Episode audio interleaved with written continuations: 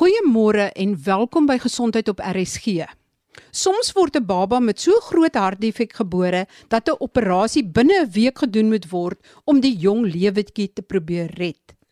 Soms word 'n hartdefek eers 'n jaar of so later gediagnoseer. En dan is dit dikwels 'n tweede hartfout wat tydelik gehelp het om die kleuter te help om te oorleef. Dr Susan Vosloo vertel hoe sy onlangs 'n operasie op 'n dogtertjie met 'n hartdefek bekend as tricuspidale atresie gedoen het, eh, deur 'n tweede en 'n derde hartdefek te gebruik om 'n relatiewe normale hartfunksie te skep. Ja, 'n hartchirurg moet ook soos 'n ingenieur en 'n fisikus dink om struktuur, kragte, vloei en drukke in ag te neem. En ons gaan julle vertel van twee pasiëntjies Die een is Roxanne Halliday, sy's 3 jaar en 9 maande oud en die ander een is Henno Pinaar, hy's 3 jaar en 7 maande oud. Susan, hoe het jou pad met die van klein Roxanne gekruis? Ek was in Johannesburg om 'n paar pasiënte te sien wat hartoortplantings gehad het of wat wag vir hartoortplantings en soms word daar dan 'n pasiënt presenteer wat 'n moontlike kandidaat mag wees vir 'n hartoortplanting. Roxanne is aan my voorgestel as 'n pasiënt wat uh, moontlik oorweeg kan word vir 'n hartoortplanting.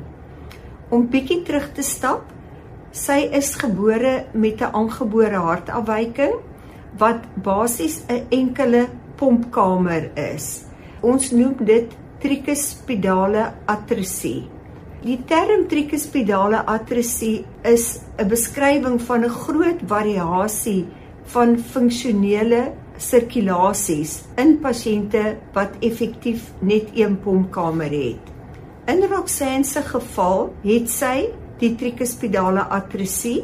In die eerste plek is daar nie 'n koneksie tussen die regter atrium en die regter ventrikel nie. Wat beteken dit? As daar geen koneksie is tussen die regter atrium wat die sistemiese venese bloed, dit is as mens dit so kan noem, die blou bloed wat reeds deur die liggaam sirkuleer het en nou terugkom na die hart om na die longe gepomp te word.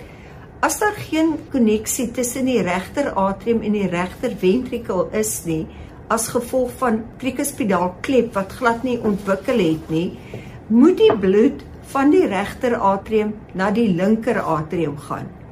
In babas en in mense eh, wat pasgebore is, is daar natuurlik 'n koneksie tussen die regter atrium en die linker atrium. Dit staan bekend as 'n atriale septale defek of as 'n patente foramen ovale. So dit is die enigste manier wat die bloed kan terugkom van die liggaam na die hart en iewers heen gepomp word. Nou tricuspidale atresie gaan dikwels gepaard daarmee dat daar ook nie 'n klep is na die longe nie. Soms is die klep na die longe vernou en soms soos in haar geval is daar geen obstruksie tussen die pompkamer en die longe nie. Met ander woorde, die pompkamer wat dan 'n dominante linker ventrikel is, pomp eweveel na die longe as na die liggaam. As gevolg daarvan is die druk in die longe, die bloeddruk van die longsirkulasie verhoog. En soos die tyd aanstap, raak die bloedvate beskadig en ontwikkel die pasiënte wat ons noem pulmonale hipertensie en dit maak 'n pasiënt onopereerbaar. Om terug te stap na die hartoortplanting evaluasie, As 'n mens 'n pasiënt evalueer vir 'n hartoortplanting, is die drukke in die longe van kardinale belang om te sien of 'n normale hart oor die longe sal kan pomp. Met ander woorde, as 'n mens 'n normale hart oorplant, moet die regter ventrikel sterk genoeg wees om bloed oor die longe te pomp. In die evaluasie vir 'n hartoortplanting word die drukke en die weerstande in die pulmonale sirkulasie baie noukeurig ondersoek want ons weet dat as jy 'n oorplanting doen in 'n pasiënt waar die drukke en die weerstande in die longe verhoog is, dan faal 'n normale regter ventrikel, want 'n normale persoon met 'n normale hart se regter ventrikel kan nie oor hoë pulmonale drukke pomp nie en sulke pasiënte mag doodgaan. Die hoë pulmonale drukke in 'n pasiënt waarvan die linker ventrikel faal, soos meeste van die pasiënte wat presenteer word vir hartoortplantings, is as gevolg van terugdruk of stiwing omdat die linker hart nie goed werk nie. Vertel ons meer oor Roxanne se spesifieke hartdefek. In kongenitale defekte soos Roxanne het, is die fisiologie verskillend. In haar geval is daar wat ons sal noem sistemiese pulmonale drukke. Haar pulmonale drukke is net so hoog soos haar bloeddruk, waar in normale persone is die pulmonale bloeddruk gewoonlik minder as 25% van die sistemiese bloeddruk. Dit is min of meer normale fisiologie. In die eerste plek met haar anatomie soos dit is en haar longdrukke soos dit is, was sy hoegenaamd nie 'n kandidaat om te evalueer met die oog op 'n hartoortplanting nie. Wat kan 'n mens dan vir haar doen? Ons het toe nader gekyk en ons het gevind alhoewel sy laat presenteer het, is daar tekens van 'n verhoogde longbloedvloei. Met ander woorde, dis nie dat die druk in die longe die onomkeerbare vlak bereik het nie. Die tekens daarvan is tekens van hartversaking, tekens van swak groei en dat sy nog nie begin blou raak nie. Met ander woorde, as hierdie drukke in die longe soveel opgaan dat daar 'n vermindering is van vloei oor die longe, raak die pasiënte blou en dan kan mens eintlik niks meer doen nie.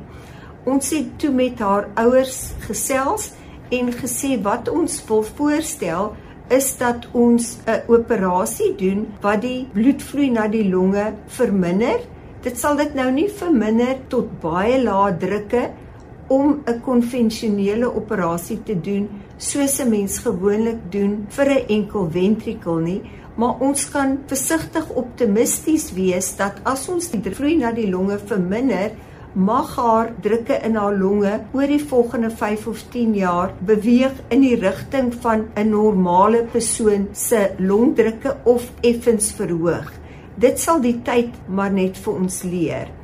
Toe sy in die Kaap kom en ons bietjie nader kyk, het ons ook gevind dat haar ASD, met ander woorde waar die regterhart na die linkerhart die bloed laat loop, was baie restriktief. Met ander woorde, dit het bietjie obstruksie veroorsaak en die gedagte is dat dit miskien vir haar tot 'n mate beskerm het omdat haar sirkulasie so beperk was dat daar baie stadige vloei van die regter atrium na die linker atrium was en ek kan nie my kop op 'n blok sit nie maar ek dink dit het gemaak dat haar longbloedvloei nie so erg beskadigend was nie. Hoe hanteer jy dit dan? Die konvensionele hantering van 'n kind met hierdie onderliggende patologie is om vroeg in die lewe die bandjie om die long se aard te sit en dan mik 'n mens om die drukke in die longe regtig baie laag te kry sodat mens later verdere chirurgie kan doen waar die bloed van die liggaam direk na die longe gaan en dan die enkele pompkamer net na die liggaam pomp. Ek sal verbaas wees as sy daar uitkom, maar miskien kan sy gedeeltelik tot so vlak verbeter, maar ek dink sy is 'n bietjie ouer as wat ideaal is om dit te doen.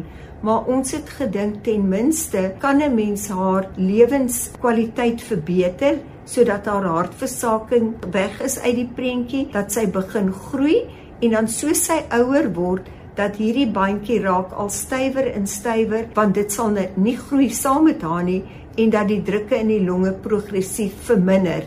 Dit is die tipiese natuurlike verloop van hierdie patologie. Susan, met ander woorde, sy's gebore in toe gewoonlik maak die openingkie tussen die regter atrium en die linker atrium toe. Met geboorte. Het dit in haar geval nie toegemaak nie en dit was eintlik op 'n manier 'n redding dat dit nie heeltemal toegemaak het nie. Ja. In 'n normale hart waar die PFO die patente foramen ovale sluit. Hoekom sluit hy?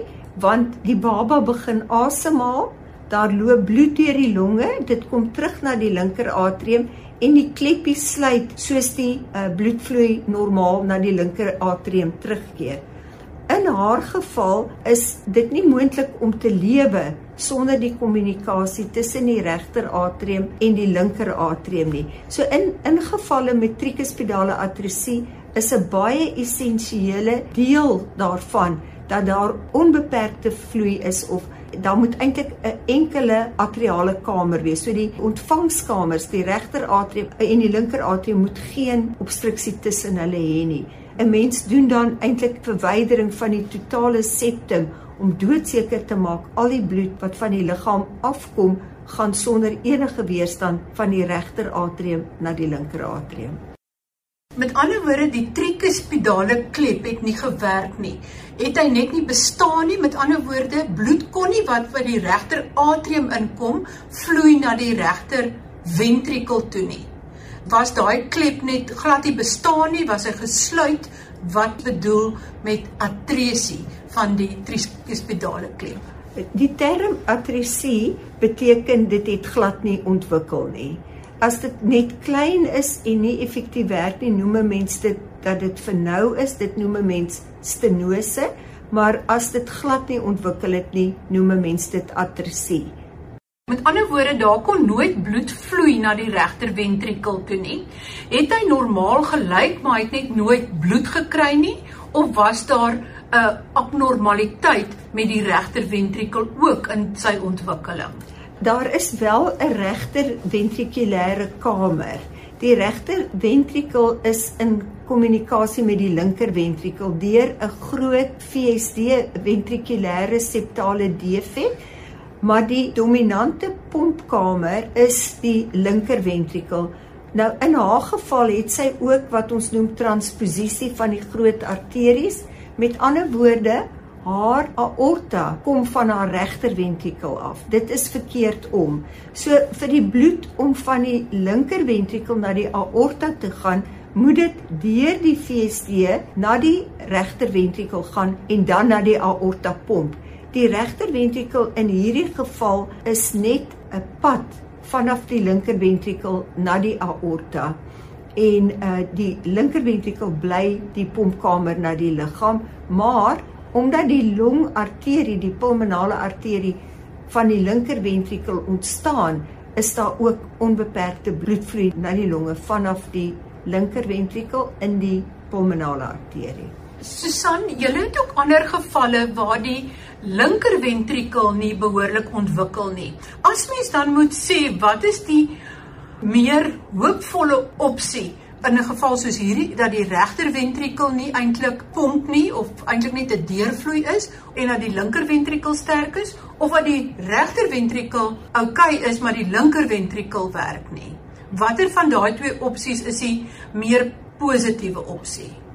Indien een van die ventrikels nie ontwikkel nie, is dit eintlik beter prognose as dit die regter ventrikel is wat nie ontwikkel nie.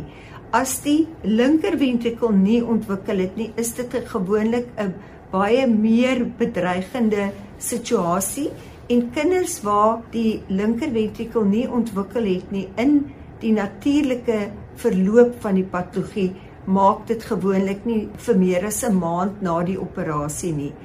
Met ander woorde, kind met wat ons noem hipoplastiese linkerhartsindroom moet baie kort na geboorte geopereer word om 'n sirkulasie te skep wat later met 'n enkele pompkamer ondersteun kan word.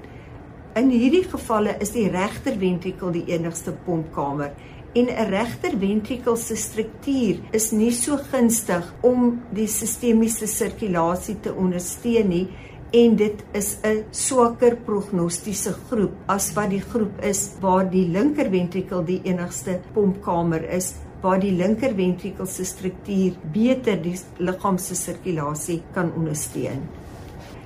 Susan, hoekom is sy oorspronklik as onopereerbaar beskou? Ek weet met jy verduidelik van die longdrukke wat te hoog is, dat sy dan nie op 'n lys kan kom vir 'n hartoortplanting nie. Maar waarom is hierdie opsie wat jy nou hier uitgevoer het nie voorheen gedoen nie? Dis moeilik om te sê want die omstandighede van elke situasie is verskillend. As 'n mens nou krities kyk na uh, die presentasie van pasiënte met hoë longbloedvloei, dan is dit so dat hoe vroeër 'n mens kan die vloei na die longe beperk, hoe beter is die uitkoms. As sy byvoorbeeld presenteer het in die eerste jaar of die eerste maand van lewe, sodra mens weet wat is fout, kan 'n mens dan met die regte prosedure volg maar sy het eers presenteer toe sy oor 2 jaar oud is. Dit is 'n baie ongunstige tyd en dit is hoogs onwaarskynlik dat 'n mens genoeg van 'n resultaat sal kry om die drukke in die longe af te bring om 'n konvensionele enkelventrikulêre herstel te kan doen.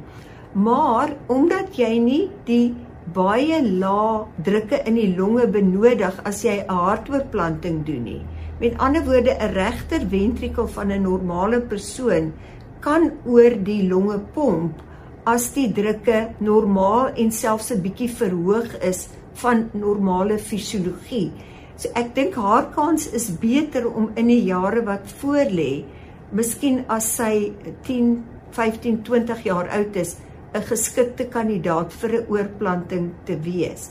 Selfs as dit nie sou moontlik wees nie, sal die feit dat sy nie oormatige bloedvloei in die longe het nie in die kort termyn soos in die volgende 5 tot 10 jaar gaan haar help in die eerste plek om nie hartversaking te hê nie want daar's nie te veel longbloedvloei nie en dan kan sy 'n meer normale lewe hê. En sou sy selfs nie 'n situasie bereik waar sy 'n kandidaat is vir 'n hartoortplanting nie die fisiologie mag haar vir baie jare aan die lewe hou met goeie lewenskwaliteit. Susan, haar simptome voor die tyd, het sy gou moeg geraak en sal sy nou nie meer so gou moeg raak? Kan jy miskien net die simptomaties of hoe sy presenteer het en hoe sy dalk in die toekoms kan wees met mekaar vergelyk? In kongenitale defekte, soos ons nou bespreek het, byvoorbeeld die tricuspidale atresie, As die tricuspidale atresie gekombineer is met pulmonale stenose, dan noem ons dit 'n gebalanseerde sirkulasie. Met ander woorde, dit is 'n abnormale enkelpompkamer patologie, maar waar die een ekstreem is, te veel bloed na die longe, waar sy is, waar jy die bloedvloei wil verminder, of die ander uiterste is te min of geen bloed na die longe, waar jy iets moet doen om bloed na die longe te bewerkstellig, kry jy 'n situasie waar as die pulmonale klep natuurlik of as deel van die oorspronklike defek vernou is, dat jy 'n gebalanseerde sirkulasie het.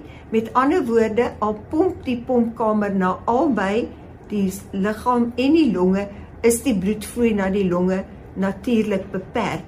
En dit is 'n situasie wat 'n mens soms kry as mense baie laat presenteer, want eintlik het die kind 'n normale sirkulasie wat goeie bloedvloei na die liggaam gee, beperkte bloedvloei na die longe en relatief normale fisiologie al is die struktuur baie abnormaal. Nou met die vermindering van haar longbloedvloei is die gebalanseerde sirkulasie min of meer wat ons wil bereik. Die tyd sal net leer hoe effektief dit is, want dit gaan ook saamhang met hoeveel die longe se bloedvatstruktuur beskadig is deur die baie hoë vloei wat nou reeds vir 'n paar jaar was, maar soos dit vir ons lyk, het sy die prosedure goed gehanteer en ek dink dit alhoewel ons 'n uh, eh, wat ons noem nie 'n baie aggressiewe vermindering van bloedvloei gedoen het nie, weet ons hierdie gaan progressief meer effektief word soos sy groei want die bandjie groei nie saam met die res van haar hart nie. Susan, hoewel jy baie operasies op baie volwassenes doen wat die hele spektrum van hartchirurgie insluit. Het jy 'n groot passie vir kinders? Kinders met kongenitale defekte, met ander woorde, kinders wat gebore word met 'n hartdefek en van hierdie kinders benodig dan ook latere hartoortplanting. Wil jy net iets meer met ons deel oor jou passie om kinders te help en dan die kinders wat op die oomblik wag want ek weet een van hulle is 'n 3-jarige seentjie wat wag op 'n hartoortplanting. Hierdie eh, gedeelte van kongenitale hartafwyking hantering is baie interessant. Die seun waarna jy verwys is 'n seun wat gebore is met 'n klein linkerhart. Hy het suksesvolle operasies gehad toe hy uh, in die eerste jaar van sy lewe was en ongelukkig het hy toe miskien 'n virusinfeksie van die hartspier gekry, maar sy hartspierfunksie het baie verswak. Nou is hy nie meer 'n kandidaat om die konvensionele pad van die hipoplastiese linkerhart te voltooi nie en word hy 'n kandidaat vir 'n oorplanting. Nou die ander interessante aspek is dat Oor die laaste 50 jaar is daar soveel vordering gemaak met die hantering van kongenitale hartdefekte dat die kinders meeste van die tyd opgroei en groot word en volwassenes word. En veral in die gekompliseerde hartdefekte, soos hulle ouer word, soos hulle jong volwassenes word, kom daar 'n hele nuwe dimensie aan die behandeling van pasiënte met kongenitale hartdefekte wat eintlik aan die ontwikkel is oor die laaste 30 tot 50 jaar. En dit is baie interessante groeiende aspek van ons verantwoordelikheid. Met ander woorde, al meer kinders wat as kinders geopereer word vir 'n aangebore defek, oorleef en het 'n goeie lewe, maar hulle het later in hulle lewe wel aandag nodig of opvolg ondersoeke nodig, net om seker te maak dat hulle goeie lewenskwaliteit handhaaf. Dis korrek. En by omtrent die eerste 10 jaar van hierdie eeu het die hoeveelheid pasiënte met kongenitale defekte wat ouer is as 18 jaar by die hoeveelheid kinders verbygeskiet en dit groei natuurlik ook omdat die insidensie van kongenitale hartafwykings is konstant. Met ander woorde elke jaar of elke sekere hoeveelheid kinders wat gebore is, 'n sekere hoeveelheid het 'n hartdefek, maar soos hulle ouer word, word dit relatief minder as die wat ouer is daar's nou mense wat oor 50 en oor 60 jaar oud is wat reeds as kinders of babas operasies gehad het. En skenkerharte en veral vir kinders is 'n groot probleem. Wat is jou boodskap aan die mense daar buite? In die hantering van enige pasiënt is dit gewoonlik 'n verhouding tussen die dokter en die pasiënt in hierdie gevalle waar mense afhanklik is van die samelewing waar iemand iemand moet verloor om so 'n skenking moontlik te maak is die bewustheid van die samelewing baie baie belangrik dit is die grootste geskenk wat 'n mens vir iemand kan gee waar jy iemand verloor kan daar baie troos kom deur dat die verlies van een persoon vir iemand anders gehelp het om 'n beter lewe te lei. Baie dankie aan my gas Dr. Susan Vosloo, hartchirurg van Kaapstad. Gaan kyk gerus op rsg.co.za na fotos van Roxaan en klein Henno Pinaar en verduidelikings oor die hartoperasie en die hartprobleme wat ons nou vandag bespreek het. Henno wag op 'n hartoortplanting en sy ouers glo dat alles sal gebeur soos dit moet. Dink gerus aan klein Henno en die ander op die orgaanoorplantingswaglyste as 'n geliefde van jou sterf. Alle sterkte vir al die luisteraars wat ook deur moeilike tye gaan. En skakel gerus volgende week weer in vir gesondheidsake. Groete van my, Marie Hudson.